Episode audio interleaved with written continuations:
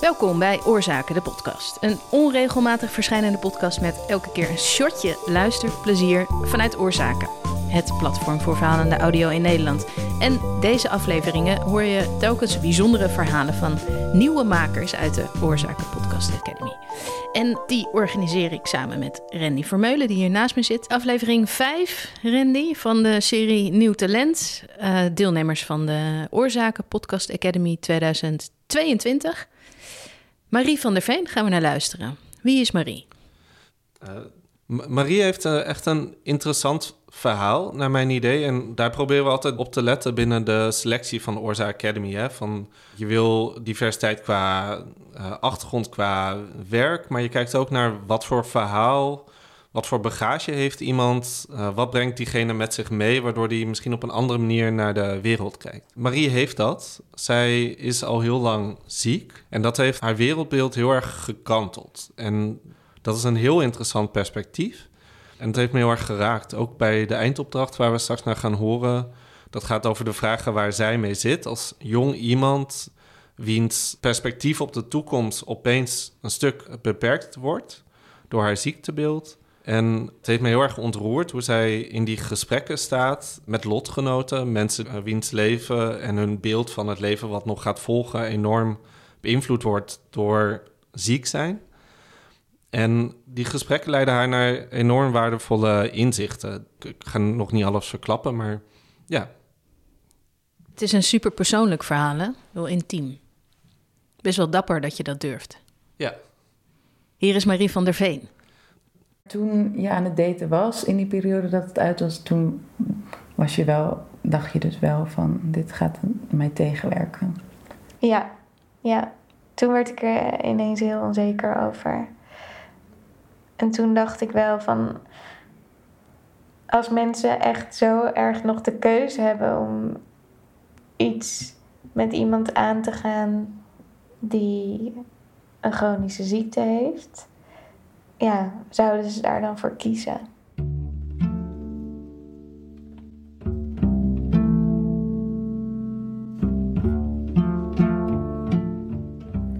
Zou jij met iemand willen daten die chronisch ziek is? Zou je een relatie kunnen hebben met iemand die chronisch ziek is?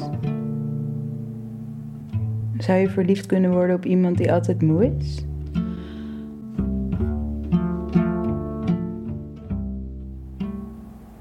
Drie jaar geleden werd ik ziek. Ik liep een hersenschudding op. De ziekte zorgt ervoor dat ik veel moe ben, weinig prikkels kan verdragen en veel alleen wil zijn. Ik moet mijn leven rondom de ziekte bouwen. Niet te laat naar bed, niet drinken, niet te veel werken, niet te veel mensen zien, geen harde muziek luisteren, niet meer studeren, niet meer voetballen. Altijd opletten.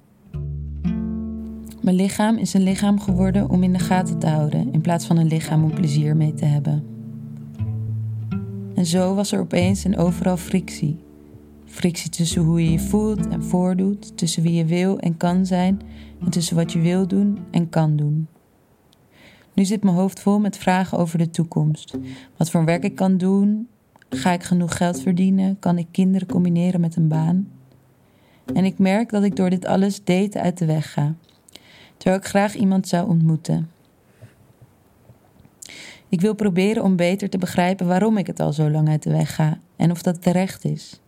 Ik praat er met mijn broer Rikke en zijn vriendin Mout over. Toen hun verkering nog heel pril was, bleek Mout MS te hebben. Het is een ziekte van het centrale zenuwstelsel. Doordat er iets mis is in het afweersysteem, valt je eigen lichaam de laag om de zenuwen aan en raken deze beschadigd. Hierdoor kunnen verlammings- en uitvalverschijnselen optreden. In de tijd, net voor en na de diagnose, volgde er een moeilijke periode, waarin Mout veel ziek was, maar ook veel veranderde. Ze dreven steeds verder van elkaar en uiteindelijk maakte Rikke het uit. Mout vraag ik of ze het gevoel had dat de ziekte haar minder leuk en aantrekkelijk maakte, omdat ik hier zelf de hele tijd bang voor ben. Um, in, in de eerste periode voelde ik dat niet, niet die angst in mijn relatie, maar uiteindelijk wel. Uh, omdat ik voelde dat het heel veel druk gaf op de relatie. En dan kreeg, ik wel gedachten van, kan ik wel een leuke vriendin zijn? Uh, en ja, het is ook even uit geweest met Rikke. En toen ik ging daten, kreeg ik wel dat soort vragen van wat ben ik voor iemand waard als, als, als ze weten dat ik MS heb en uh, ja, willen ze dat dan überhaupt wel aangaan? En toen kreeg ik dat wel, dat gevoel heel sterk. En ging je toen vertellen aan de mensen met wie je date? Ja. Ja. En niet heel bewust zo van ik ga het vertellen, maar het kwam dan gewoon ter sprake. Want ik ben ook gewend om er heel open over te zijn. En het speelde ook op dat moment dan zo'n grote rol dat het toch wel langskwam. Dat herken ik ook van als ik ging solliciteren. Dus als ik eenmaal in een baan was, dan was ik er eigenlijk nooit mee bezig. Maar dan als je je weer ergens moet verkopen, dan voelt het ineens alsof je uh, ja, minder waard bent of minder aantrekkelijk om aangenomen te worden of om uh, een relatie mee aan te gaan. Denk je dat dat ook zo wordt ervaren? Nou, tot toen merkte ik wel dat, dat mensen gewoon geïnteresseerd waren. Ik zit nu even te denken aan eerste daten. Dat, dat, ja, dan was er juist interesse en kreeg ik er ook wel juist waardering voor in plaats van andersom. Maar ja, uiteindelijk stopt het ook. En ik zou het eigenlijk nog eens moeten vragen of dat meespeelt. Maar ik, ik denk ja, voor, wat, voor zover ik het kan inschatten, denk ik niet dat dat meespeelde. Dat dat aan andere dingen lag. En toen het uit was, had je toen ook een soort hele grote angst dat hij dan met een gezond meisje zou gaan? Ja, ja. Ja, zeker wel. Ja, dat kan ik me zo goed voorstellen. Dat je dat dan gaat inbeelden. Mm. En dat dan heel oneerlijk vindt. Ja. Oh, ik denk nu. ik weet nog wel dat ik soms dacht van... Oké, ik hoop dan dat hij nu... Of dan vindt hij een gezond meisje en dan hoop ik dat zij kanker Heel erg, maar dat soort fantasieën had ik dan wel. Want het is natuurlijk wel zo dat je nooit weet of iemand iets krijgt of wat er dan ook gebeurt. Dus je hebt nooit die zekerheid dat je met een partner eindigt die altijd gezond is. En dus ik had dan wel fantasieën van als dat dan zo is, dan, dan gaat hij toch wel merken dat, dat ook gezonde meisjes weer ziek kunnen worden. En misschien kiest hij dan toch voor mij. Ik denk dat ik dat gewoon hoopte. En verlangde jij in de tijd dat ze zo ziek was heel erg naar een gezond meisje? Zat dat in je hoofd? Het was niet per se het verlangen naar een gezond meisje. Het was eerder verlangen naar Mout die daar goed mee omgaat. Want is Mout nu gezond of ongezond? Ze heeft nog steeds MS, maar ze gaat er gewoon enorm goed mee om. En daardoor zie je alleen maar hoe, ja, hoeveel sterker het haar gemaakt heeft. Het is dat je kan niet zeggen die ziekte maakt niks uit, zeg maar. Maar het is gewoon onderdeel van Mout als persoon. Hoe, hoe cliché dat ook klinkt. Dus het is gewoon een, ja, een, het hoort gewoon bij haar nu. Maar dat is natuurlijk wel makkelijk om te zeggen nu het goed met haar gaat. Ja, nee, zeker. Dus ik ben, ja, ik ben heel benieuwd hoe ik reageer als, uh, ja. als ze echt weer ziek is. Maar dat, ja, dat hangt er ook vanaf hoe dat eruit ziet en hoe zij daarmee omgaat en dus ook hoe ik daarmee omga. Maar als zij op jullie eerste date in de triple meteen had gezegd: Ik heb MS, had het je afgeschrikt, denk je?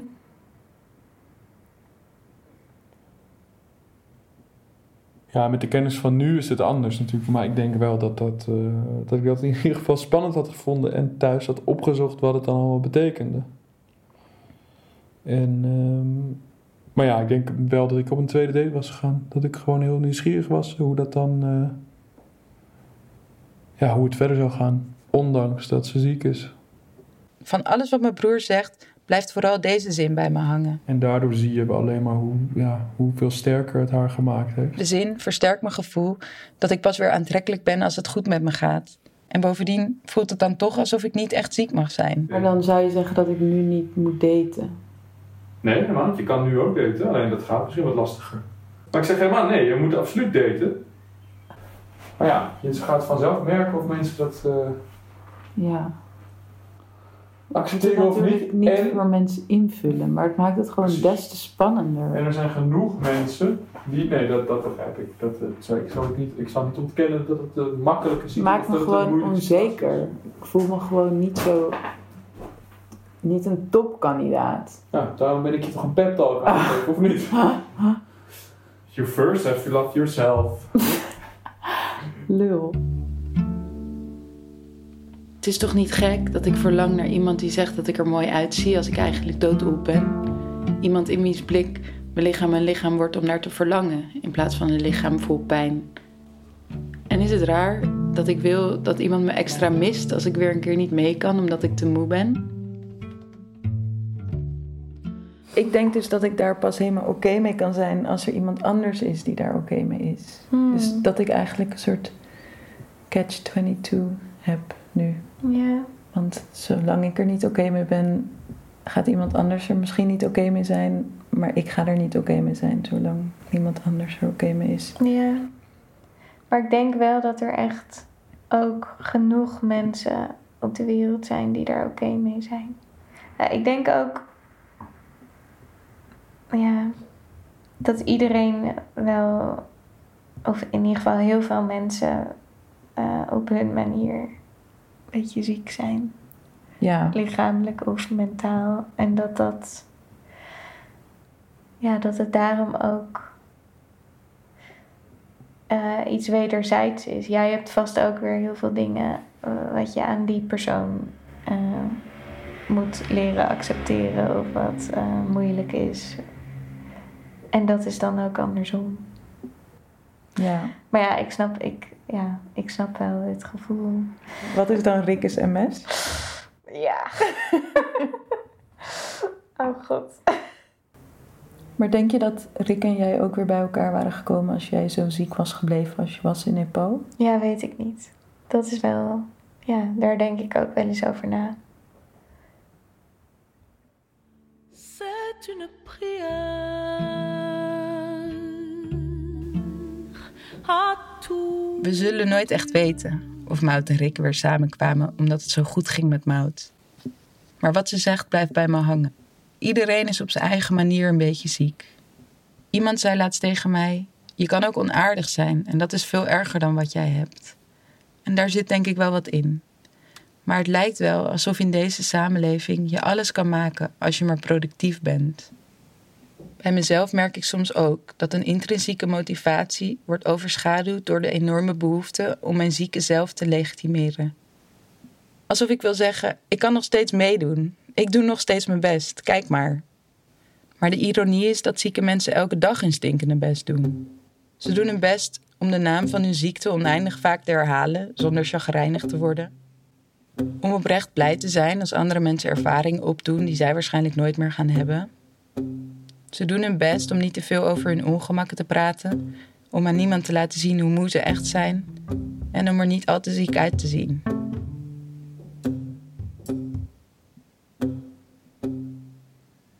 Iemand die ook weet wat het betekent om niet meer zo productief te zijn, zoals hij dat eerst was, is Gersom. Voordat hij ziek werd, was hij producer in de reclamewereld. Een drukke baan met een hoog tempo, die hij leuk vond en waar hij goed in was. Ik heb hem leren kennen toen hij al ziek was. Dus vraag ik naar wie hij was voor zijn ziekte. En kan je jezelf omschrijven Eh, van hoe je toen was? ehm, ja, eh, energiek, vrolijk, eh, hard werken, Mm, niet zo heel serieus verder.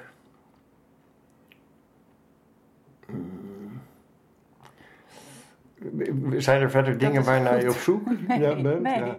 Hij vertelt me zijn verhaal. Het begint met bloedneuzen die niet overgaan, opvallend veel blauwe plekken door het voetballen en een raar plekje in zijn gezicht. Hij blijkt TTP te hebben, een auto-immuunziekte waarbij je bloed niet meer goed stolt. Hij krijgt eiwitten, maar die helpen niet. Dan moet zijn milt eruit en dan blijkt hij trombose te hebben. Door de trombose krijgen zijn darmen geen bloed meer en moet er een deel van zijn darmen verwijderd worden. Daarbij wordt een diepe lijn in zijn lies geplaatst, maar deze wordt niet goed afgebonden. Er ontstaat een onderhuidse bloeduitstorting en daardoor kan zijn rechterbeen zijn vocht niet meer kwijt. En dan raakt hij zijn rechterbeen kwijt. Shit happens, weet je. Ja, mensen maken wel eens een foutje. Fuck it. Maar het gevoel, het had niet zo hoeven zijn. Het, het had niet zo hoeven zijn. Ja, soms denk je dat wel eens van ja, fuck it. Eh, eh, maar ja. Nee, dan denk je van ja, fuck. Ja, maar tegelijkertijd denk je dan ook van ja. Ja, je kan er nu over inzitten, ja, maar je been is Dat, dat brengt dat been echt niet meer terug en dat heeft dus eigenlijk totaal geen zin. Nee, ik denk ook wel eens van, ja, weet je, wat was er gebeurd als ik niet ziek was geworden? Ja, dan had mijn leven er heel anders uitgezien. Maar ja, dat heeft niet zo heel veel zin. Maar hoe blijf je je mens voelen als je al deze... Ja, maar eh, eh, op het moment dat je erin zit. Kijk, ik was al, je bent dan echt aan het vechten om überhaupt adem te krijgen. Dus je hebt helemaal geen tijd om emoties of om, om, om andere dingen te ervaren. Vervolgens had ik, eh, lig je. volgens mij lag ik, ik weet niet meer precies waar ik lag, waarschijnlijk. dan lig je op de intensive care. En, of op de hartbewaking lag ik, een van beide. Maar ik had zoveel pijn en, en eh, gekloot dat je, je bent alleen maar bezig met eh, eh, ja, eigenlijk gewoon praktische shit. Nu is mijn, mijn, mijn wens is zeg maar dat ik me morgen goed voel. Gewoon een dag je, je normaal voelen, dan ben ik blij. Maar ja, dat is natuurlijk een heel ander perspectief als gezonde mensen. Want gezonde mensen, ja, die willen zich natuurlijk ook goed voelen. Maar die staan daar helemaal niet bij stil. En als die met elkaar samenkomen, dan hebben ze het over, eh, over hun dromen en over hun onbegrensde eh, ambitie. En dat is wat, eh, wat, wat het leven spannend en, en, en, en, en mooi maakt. Terwijl als je echt daadwerkelijk naar het leven van die mensen met hun onbegrensde ambitie en dromen gaat kijken, is het vaak net zo saai als ons leven. Alleen wij zien dat volledig onder ogen, want we hebben die, die droom niet meer. Ik ervaar het dus zo dat het eigenlijk best lekker is als je dus kleiner droomt. Maar dat het lastig is dat iedereen om je heen groot droomt. En dan ben jij die uitzondering. En dan lijk jij niet interessant. Ja. Terwijl als iedereen alleen maar gewoon zou wensen dat hij zich morgen goed voelt. Dat lijkt me best lekker eigenlijk. Ja, tegelijkertijd is natuurlijk de, de echte vooruitgang komt uiteindelijk wel. En echte creativiteit, echte dingen komt wel van grote dromers. Dus Nou, of kleine micro-revoluties. Ja. Nee, ik, ik denk niet dat er één, één goed en één kwaad ding is. Ik denk dat, eh, eh, weet je, ja, allebei bestaat het, allebei is goed. Dat is het meer. En wij hebben eigenlijk alleen maar aandacht voor grote dromers en grote eh, ambities. Tenminste, dat- is de, de westerse en ook kapitalistische grondslag. Ja, maar maakt het je soms verdrietig? Ja, tuurlijk.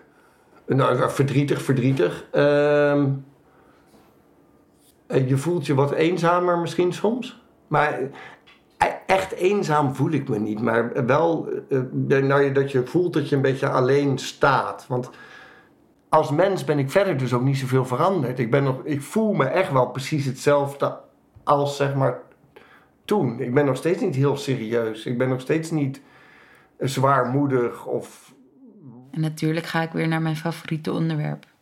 Heb je daarna veel gedate? Nee. Nee, eigenlijk nauwelijks. En waarom niet, denk je?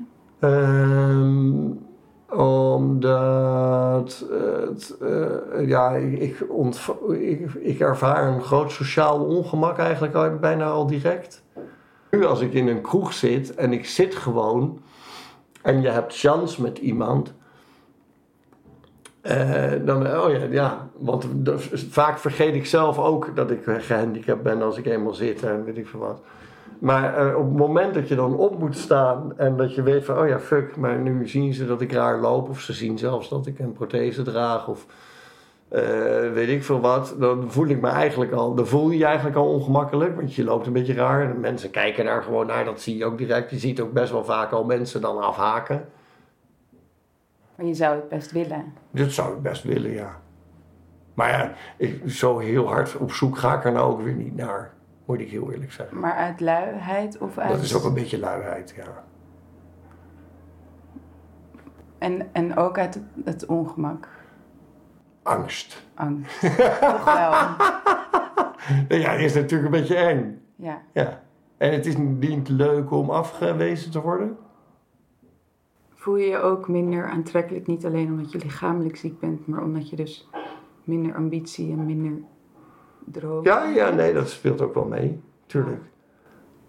En omdat je niet over je carrière kan praten. Bijvoorbeeld, je kan je niet verschuilen achter je carrière.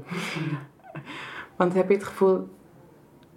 Want ik- ik vraag me dan vaak af van waarom word je dan verliefd op iemand? Niet echt door de carrière die die persoon heeft, toch? Nee, maar ja, het is wel allemaal eh, ehm, hoe wij elkaar eh, eh, aan elkaar verkopen door middel van dromen. Maar voel jij je dan net zoveel waard als mensen met heel veel ambitie, dromen en een interessante carrière? Ja, waarom niet? Nou, ik vind dat bijvoorbeeld best wel lastig. Ja, ik hoef niet aan een bepaald beeld te voldoen. Maar je voelt je ook minder aantrekkelijk als. Ja, nee, maar ja, dat is. Dat, maar dat, dat komt door de, de, de, de, de maatschappelijke eh, eh, verwachtingspatroon. Ja, dus je wil daar toch aan voldoen. Ehm, nou, ik weet dat het het zoveel makkelijker maakt om eh, in contact te komen met vrouwelijk schoon. Ja, precies. ja, maar dus je denkt na dat, over... is, je denkt, dat is een hele simpele één-op-één Ja. relatie. Daar word ik dan wel zenuwachtig van. Maar ik hoop dan dat mensen het interessant vinden. Dat... Ik bedoel, het kan ook mooi zijn dat je dus slechte kaarten toegedeeld krijgt en hoe je daarmee omgaat. Dat vind ik bij jou ook. Maar, Ja, maar ja, ja, hoe lang blijft dat interessant? ja, wat koop je ervoor?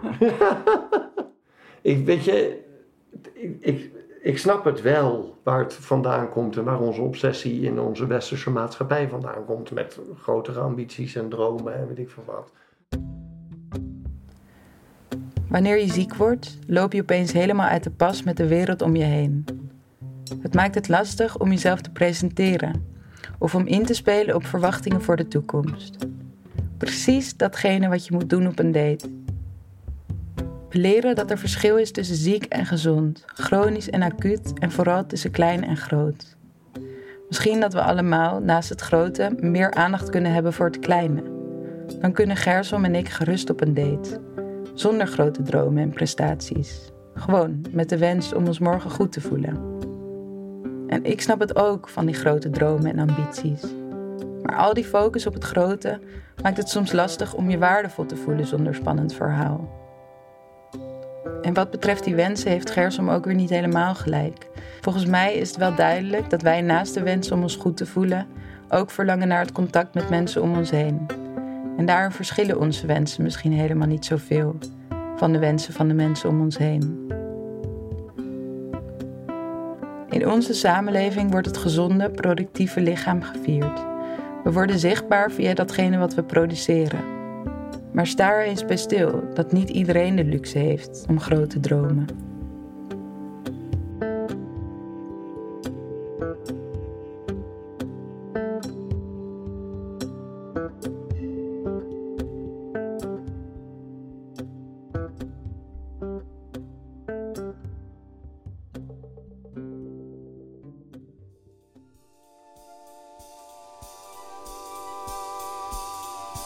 De documentaire die je hoorde is gemaakt in de Oorzaken Podcast Academy 2022 met steun van het NPO-fonds.